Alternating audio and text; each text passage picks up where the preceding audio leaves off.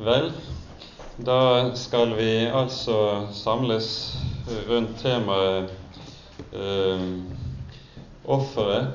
Ja, Fins dette foredraget i skrift? det gjør det ikke. Jeg har eh, av forskjellige årsaker denne sommeren hatt vanskelig for å sitte ned og utferdige det i skriftlig form, så det betyr at eh, de som vil ha det med seg, de får ikke sove i eh, denne timen.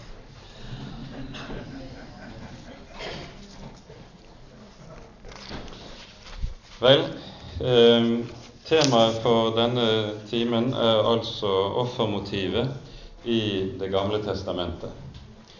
Det er eh, et meget stort tema som eh, berører eh, svært, svært mange sider av det vi kaller for bibelteologien. Og eh, det vil jo selvfølgelig ikke være mulig å komme inn på noe av dette. Men siden det som samler oss eh, under årets symposium, har med korset, korset og kronen å gjøre, så vil vi i all hovedsak gjøre det slik at vi konsentrerer oss om eh, den side ved offermotivet eller offertenkningen i Det gamle testamentet som har med soning og forsoning å gjøre. Det ble altså en veldig klar begrensning av eh, eh, blikkfeltet, av fokus, og så får vi se hvor langt vi kommer. I alle fall tror jeg at det, det temaet som skal samle oss i denne timen, det kan meget enkelt sammenfattes ved hjelp av et vers i Hebreabrevet, i det niende kapittel, vers 22, eh, leser vi slik Uten at blod blir utgitt, skjer det ikke forlatelse. Det er en meget klar og meget nøyaktig sammenfatning av eh, hele Det gamle testamentets offertenkning. Syndenes forlatelse er noe som er bygget på at det skjer en objektiv soning av synd. En soning som Gud har gitt klare ordninger for i eh, Det gamle testamentet, og vi taler da først og fremst om det andre og det tredje, andre og tredje Moseboks eh, forordninger for dette. Det er jo i annen Mosebok fra kapittel 25 av vi i første rekke hører om innredningen av, av offertjenesten i Det gamle testamentet.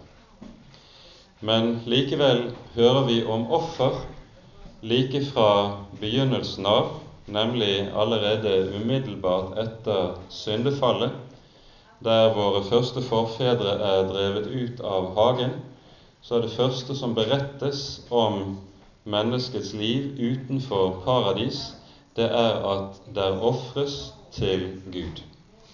Vi hører om offer ikke bare hos Kain og Abel, hos Noah, men også hos fedrene gjennom hele Første Mosebok.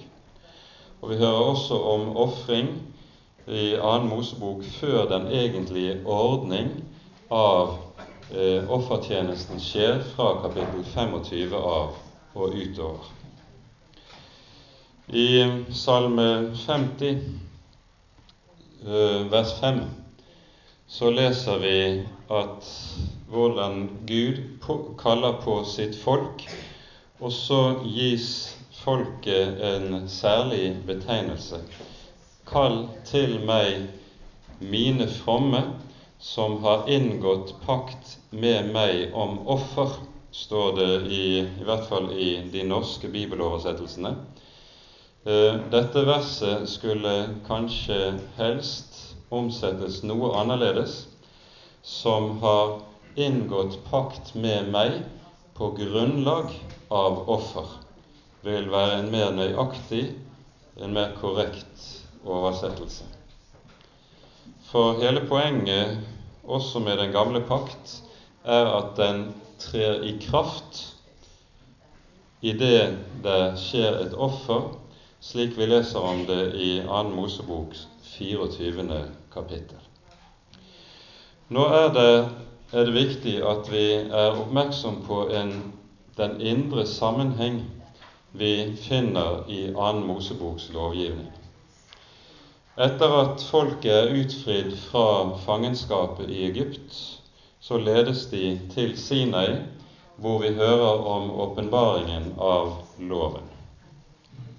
Åpenbaringen av loven leser vi så om fra kapittel 20 til kapittel 23, um, hvorpå vi får paktsinngåelsen i kapittel 24. Og Der inngås og stiftes det som kalles for den gamle pakt når vi leser Det nye testamentet. Der Gud altså knytter folket til seg gjennom en paktsinngåelse, og denne paktsinngåelsen skjer altså ved et offer som vi da hører om i kapittel 24. Etter eh, åpenbaringen av loven i kapittel 20 til 23 hører vi så om at Gud åpenbarer hvorledes tabernaklet og offertjenesten skal innrettes. Og Her tror jeg vi har en gammeltestamentlig parallell til, et gammeltestamentlig forbilde på, det vi med nytestamentlig språkbruk kaller lov og evangelium. For hvorledes skal et folk kunne bestå for Guds ansikt utelukkende dersom de har fått loven gitt? Det blir umulig at et slikt folk kan bestå fremfor den hellige Guds ansikt. Dette så meget mer dersom vi gjør oss klart hva åpenbaringen av loven er. Det er først og fremst en åpenbaring av Guds hellighet. Derfor er det slik at umiddelbart etter at åpenbaringen av loven er gitt, så gis åpenbaringen av hvorledes synd mot loven vil kunne sones og ettergis, slik at syndenes forlatelse også skal kunne bli tilgjengelig for dette folk. Man kan altså inndele åpenbaringen fra Sinai i disse to hoveddeler. Først åpenbaringen av lovens bud, åpenbaring av loven. Derpå åpenbaring av hvorledes soning kan foregå, dermed hvorledes syndenes forlatelse skal bli tilgjengelig, også for det folk som er under loven. Dette er noe av disposisjonen vi finner i annen Mosebok. Ehm, og jeg tror vi skal gjøre oss klart at dette er noe som gis ehm, og forutsettes allerede i kapittel 20 i annen Mosebok, når vi har hørt eh, de ti bud bli gitt. Etter dette leser vi fra vers 18 i annen Moseboks 20. kapittel slik. Alt folket så og hørte tordenen og luene og basunlyden og fjellet i røk. Og da folket hørte dette, skalv de og holdt seg langt borte. Og de sa til Moses, Tal du med oss, så vil vi høre. Men la ikke Gud tale med oss, for at vi ikke skal dø. Folkets reaksjon på lovåpenbaringen er uhyre betydningsfull. For hva er det denne reaksjonen innebærer? Det er at folket ser at i møte med denne hellige Gud trenger de en mellommann. Og det er nettopp det de spør etter. Loven bringer for dagen behovet for en mellommann. Man kan ikke ha umiddelbart og direkte å gjøre med denne hellige Gud. Likeledes leser vi så i slutten av samme kapittelet hvorledes Gud så åpenbarer alteret. To ting gis altså umiddelbart som følge av, eller som frukt av, åpenbaringen av loven. Behovet for mellommann, behovet for alteret. Og dermed er vi inne i det som er timens hovedtema. For skal vi peke på ganske enkelt hva som er den grunnleggende idé i hele offertjenesten, så handler det om stedfortredelse, synsforlatelse gjennom en stedfortredende soning for synd. Dette er også grunntanken i den gammeltestamentlige offertjeneste, og slik kan den også da være et forbilde på Kristi offer, slik dette utlegges nærmere i Det nye testamentet, først og fremst i Hebreabrevet. Når vi hører lovgivningen for tabernaklet, for offertjenesten, så skal vi merke oss at i kapittel 29 så knytter Gud et bestemt løfte til denne offertjeneste.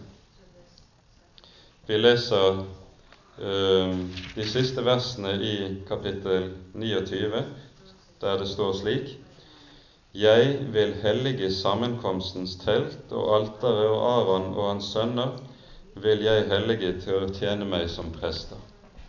Og jeg vil bo midt iblant Israels barn, jeg vil være deres Gud.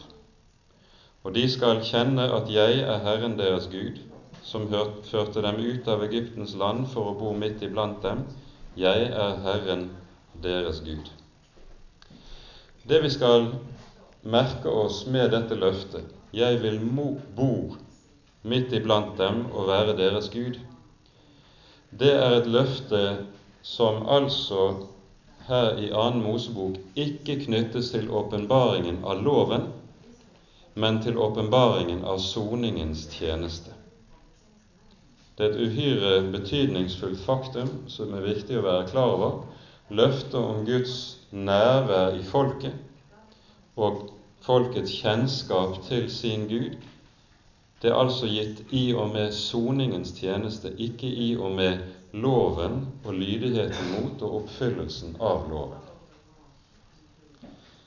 Hensikten med utfrielsen av Egypt, den er samlet i kort form i 2. Mosebok kapittel 6, fra vers 6 til 8. Og Her sier Gud uttrykkelig at han vil bo midt iblant sitt folk. Folket skal lære ham å kjenne at han er deres Gud, og de skal være hans eiendom. Dette løftet det oppfyller så Gud ved at det reises en helligdom der det skjer soning for synd. Vi pekte på at grunnideen i det som skjer i tabernaklet, det er stedfortredelse. Ideen med stedfortredelse, som vi finner i hele Det gamle testamentets offerlovgivning, kommer til syne særlig på to hovedfelt. For det første der i det vi hører om øverstepresten og hans person og tjeneste. Dernest i det vi hører om offerdyret og dets død i synderens sted. Og vi skal ta oss tid til å stanse opp noe for begge disse sider som vi her hører om. Når det gjelder øverstepresten som stedfortreder for synderen, så kommer dette til uttrykk på en rekke ulike måter i Mosebøkene. F.eks. i Tredje Mosebok kapittel 4, der vi hører lovgivningen for syndofferet. Der er det slik at vi hører om øverstepresten sin rolle på en slik måte at dersom øverstepresten gjør synd, da blir hele folket skyldig i synd. Det er altså slik at det som gjelder den ene, gjelder alle. På tilsvarende vis ser vi dermed også at det offer som skal ofres til soning for øversteprestens synd, det blir identisk med det offer som må ofres for hele folkets felles synd. Der en altså knyttes en identitet mellom, et bånd mellom folkefellesskapet og øverstepresten som person. I 4. Moseboks 18. kapittel hører vi eh, en viktig side ved lovgivningen om eh, eh, både levittene og øversteprestene. Og allerede i vers 1 sies det et viktig ord om eh, øver, øversteprestens betydning. Herren sa til Aron, du og dine sønner og hele din fars hus skal bære skylden for overtredelse mot helligdommen, og du og dine synder skal bære skylden for overtredelser mot deres tjeneste som prester. Her sies det altså uttrykkelig at prestens rolle består i å bære skylden for overtredelse mot det hellige.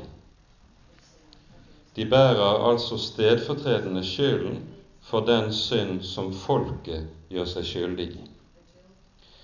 Eh, dette gjentas flere eh, med variasjon flere ganger, både i kapittel 3 og i kapittel 18 i Fjerde Mosebok. Og vi skal merke oss hva hensikten er med denne stedfortredende tjeneste. Det understrekes i vers 5 i 4. Mosebok 18 der det sies slik til eh, Aron dere skal ta vare på det som skal ivaretas ved helligdommen, og det som skal ivaretas ved alteret, for at det ikke skal komme vrede over Israels barn.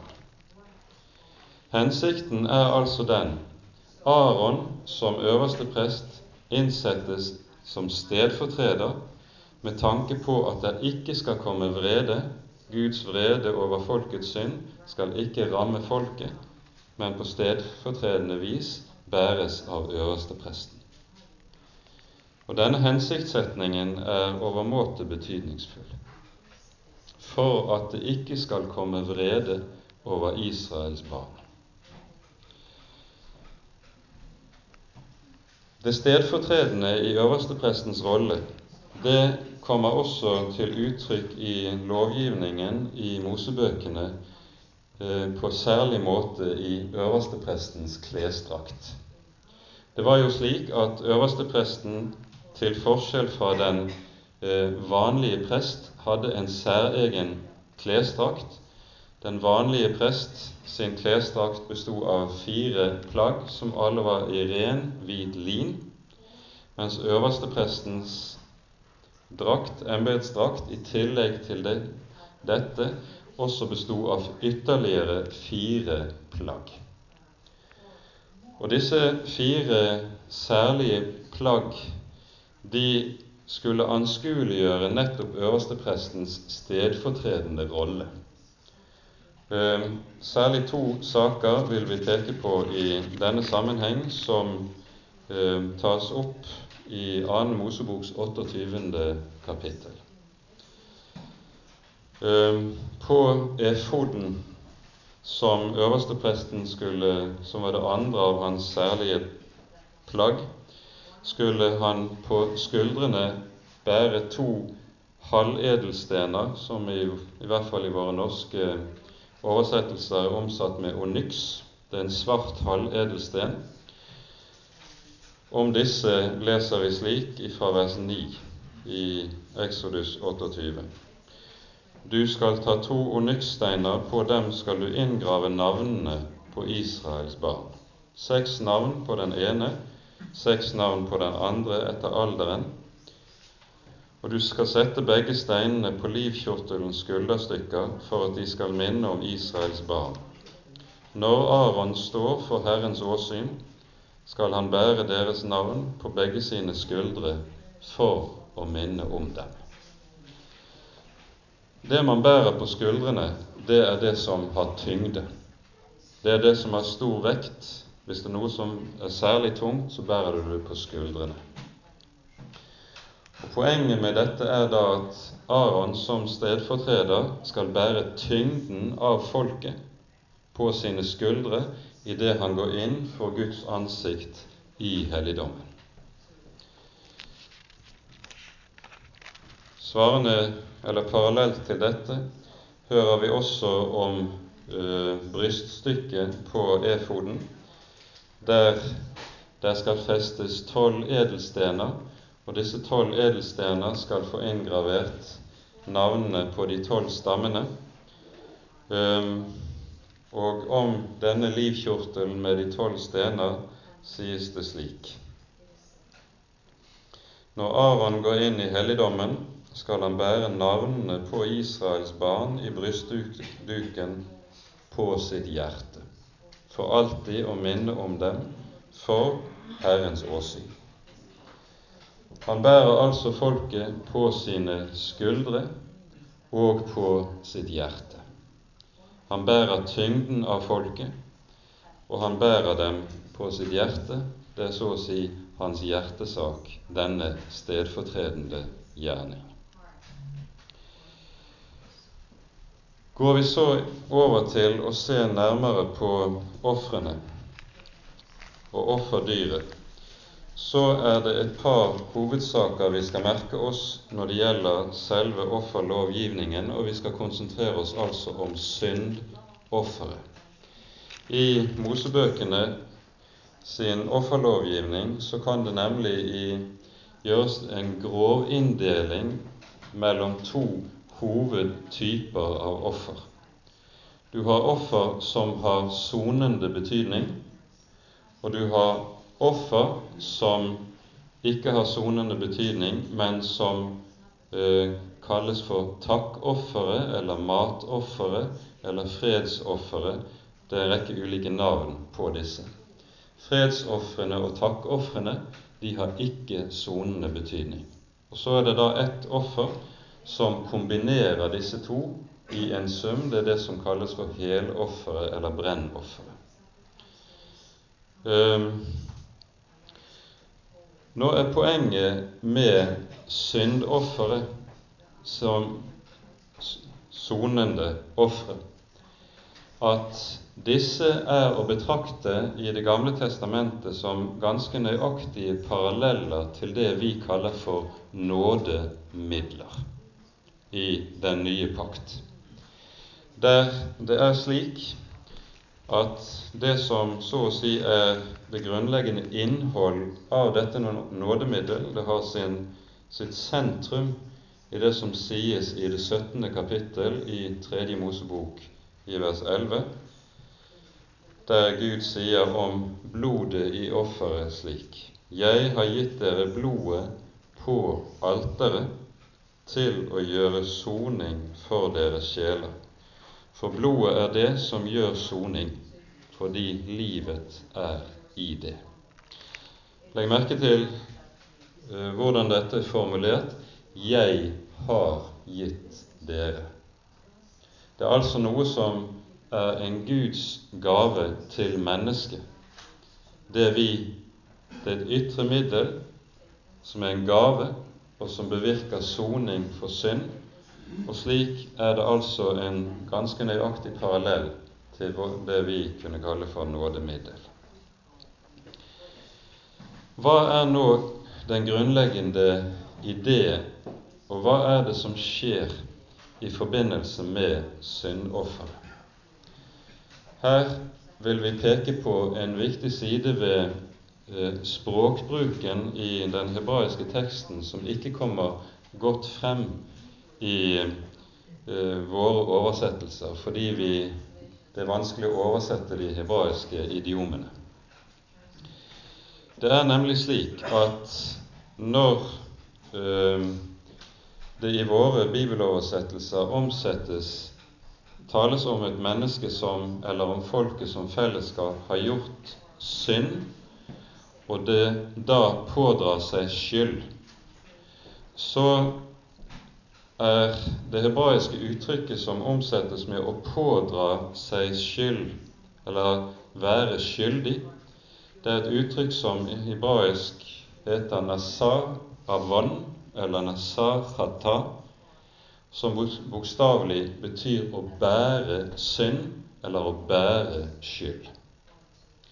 Og Den grunnleggende tanke i dette er at en forstår synd som et menneske gjør, ikke som en handling som du så å si gjør i tiden, og så går du videre og legger den bak deg. Gjort synd er noe som er av en slik karakter at når den er begått, så bærer du den. Du bærer den med deg videre i livet som en byrde som ligger på skuldrene. Og denne byrde som ligger på skuldrene, den kalles altså skyld. Du bærer den.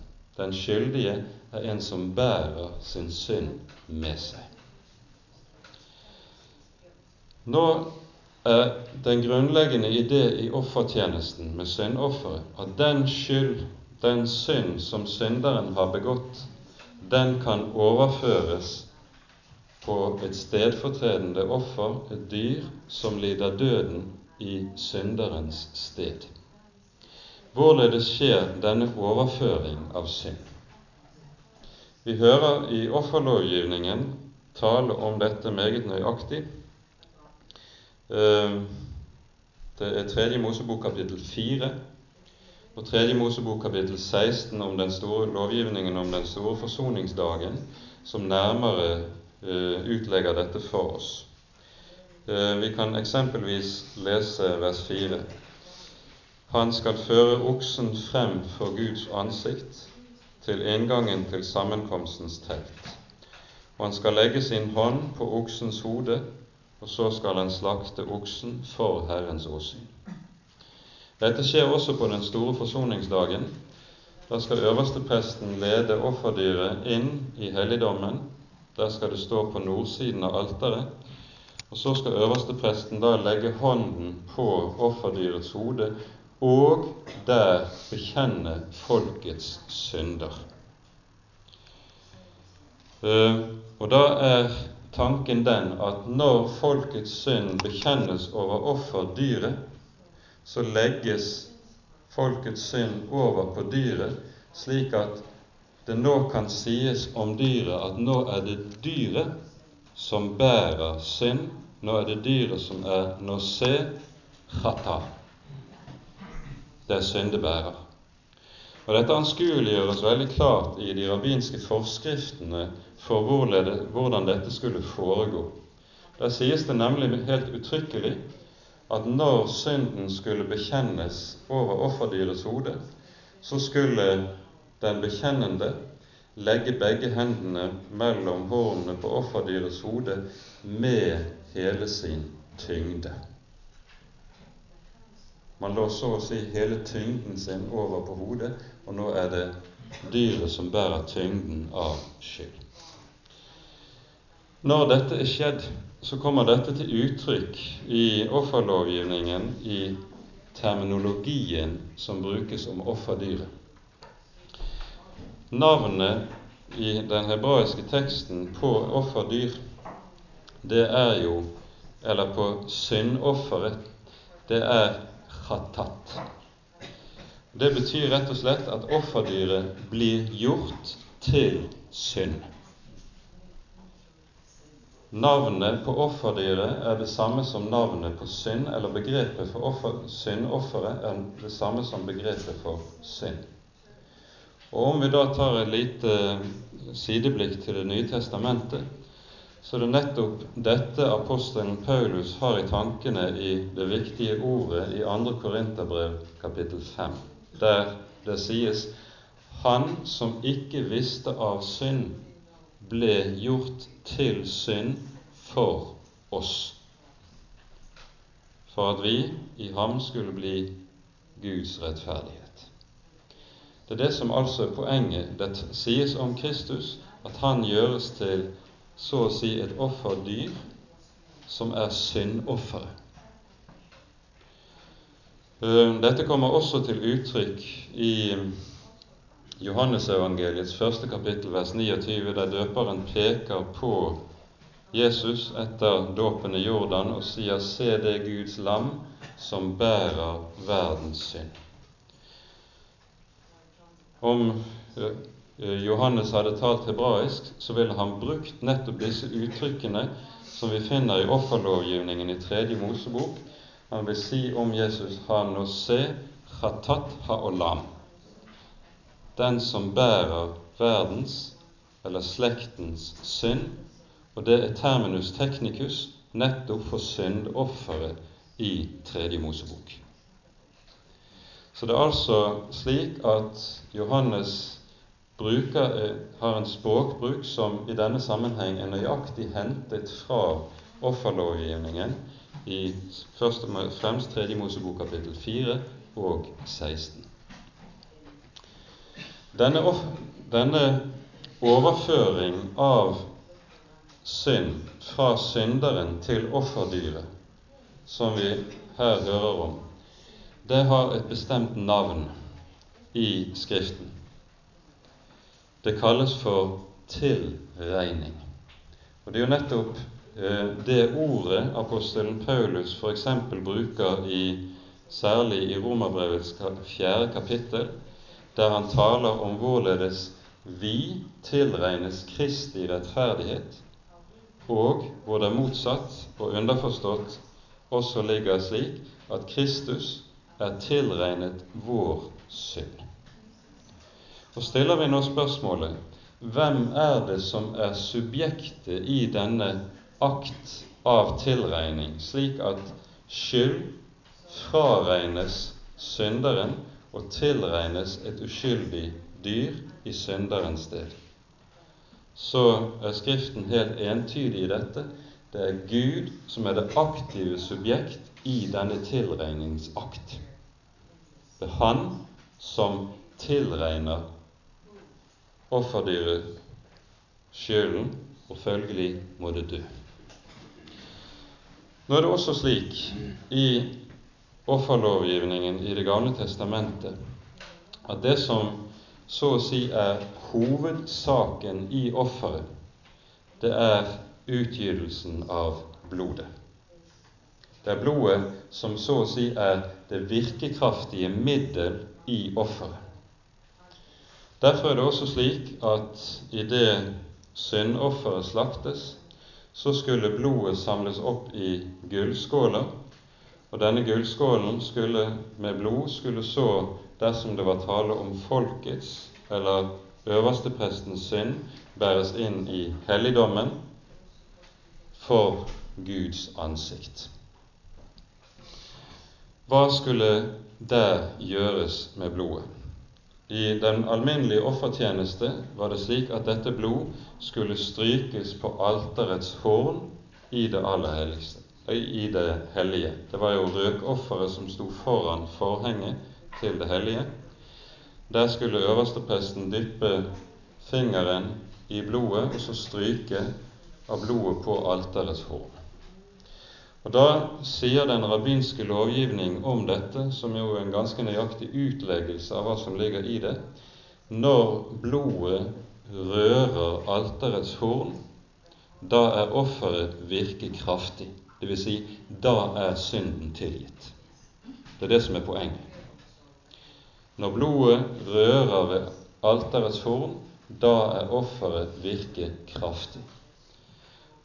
Betydningen av dette gir seg jo i og med at alterets horn i helligdommen alltid har en bestemt betydning. Det er et symbol på kraft, på makt, på Guds makt.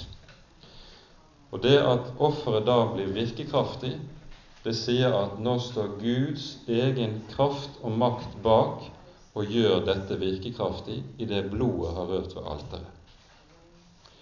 På den store forsoningsdagen så skulle offeret ikke bare, blodet ikke bare bæres inn i det hellige og strykes på alteret, men det skulle også bæres inn i det aller helligste og stenkes på nådestolen uh, der inne.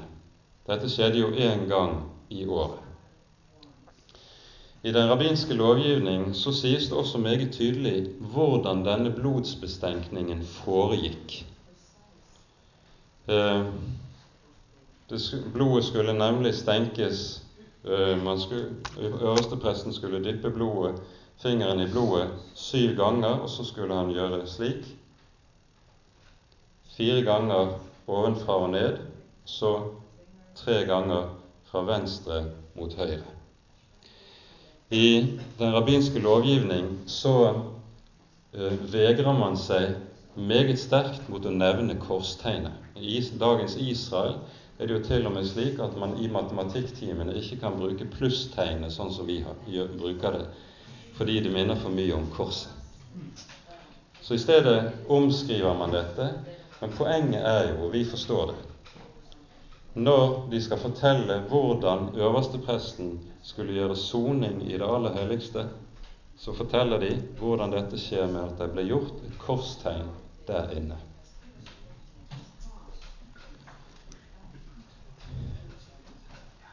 Med dette er altså offeret virkekraftig. Synden er tilgitt, den er sonet. Dermed er synderen også fri. Han er ikke lenger skyldig for Gud, og han kan stå i livssamfunn med den levende Gud. Um, nå er det jo slik at det forhenget som skilte i helligdommen mellom det hellige og det aller helligste, der var det avbildet bestemte figurer. Noen av dere vil gjerne huske det. De figurer som var avbildet der, det var en bestemt engleskikkelse, nemlig kjerubene. Hvem var kjerubene? Vi hører om den første gang i Den hellige skrift, på syndefallets dag, når Adam og Eva vises ut fra hagen. Da settes kirubene med det luende sverd utenfor hagen for å vokte veien til livets tre. Når Kristus dør på Golgata, hva skjer da? Da hører vi om hvordan dette forheng revner fra øverst til nederst. Adgangen inn til det aller helligste åpnes. Og vi skjønner bildet. De kirubene som var stilt med det luende sverdet utenfor paradisets hage, nå er det sverdet borte. Veien er åpnet like inn i det aller helligste. Mennesket kan igjen ha samfunn med den levende Gud. Dette er symbolikken i det som vi her finner. Det vi nå har stanset opp for, det peker altså på hvorledes eh, vi i offerlovgivningen i Det gamle testamentet finner eh, stedfortredende øverstepresten, for det andre offerdyret som stedfortredende, og vi hører om hvorledes det sies både om øverstepresten og om offerdyret at de kan være slike som bærer synd i stedet for syndere. Men det er en siste viktig sak som vi også skal være oppmerksom på når det gjelder eh, dette uttrykket for å bære synd. Det er nemlig en siste person i den gammeltestamentlige lovgivning om hvem det også kan sies at han bærer synd. Og hvem er det? Det er Gud. Israels hellige, om ham sies det også at han er en som bærer synd. Men vi skal merke oss i våre bibler er dette uttrykket heller ikke når det brukes med Gud som subjekt, som den som bærer synd, så omsettes det ikke nøyaktig eller bokstavelig i våre bibler, men det omsettes 'Han er den som forlater synd'. Når Gud nemlig er den som bærer synd, så er synden for vår del noe som er forlatt. Et hovedord i denne sammenheng det finner vi i 2. Moseboks 34. kapittel, som jo også gir oss så å si et hoved eh, det er et hovedbegrep når det gjelder hele det bibelske Guds bilde og Guds begrep overhodet. Det er Moses som er på Sinai, og som har bedt om å få se Herrens herlighet. Det får han ikke. Han får kun utelukkende se Gud bakfra. Og så, um, når Herren har gått forbi bakfra, så leser vi fra vers 6 og 7 i kapittel 34. Herren gikk forbi Mose ansikt og ropte:" Herren, Herren, er en barmhjertig og nådig Gud, langmodig og rik på miskunnhet og sannhet. Han bevarer miskunnhet imot tusen ledd, han forlater misgjerning, overtredelse og synd. Og Her står det altså nøyaktig i grunnteksten han bærer misgjerning, overtredelse og synd. Og det er det som skjer nettopp i soningen. Der overtar Gud den børen, og så er vi fri. Og Her er det jo vi finner så å si det som er selve kjernen i hvorledes den gammeltestamentlige lovgivningen kan være et forbilde på det som skjer på korset. For i Kristi person samles alle disse tre i én person øverste prest, offerlam og den levende Gud selv. Og så står disse tre der som den som bærer verdens synd, og da er synden sonet.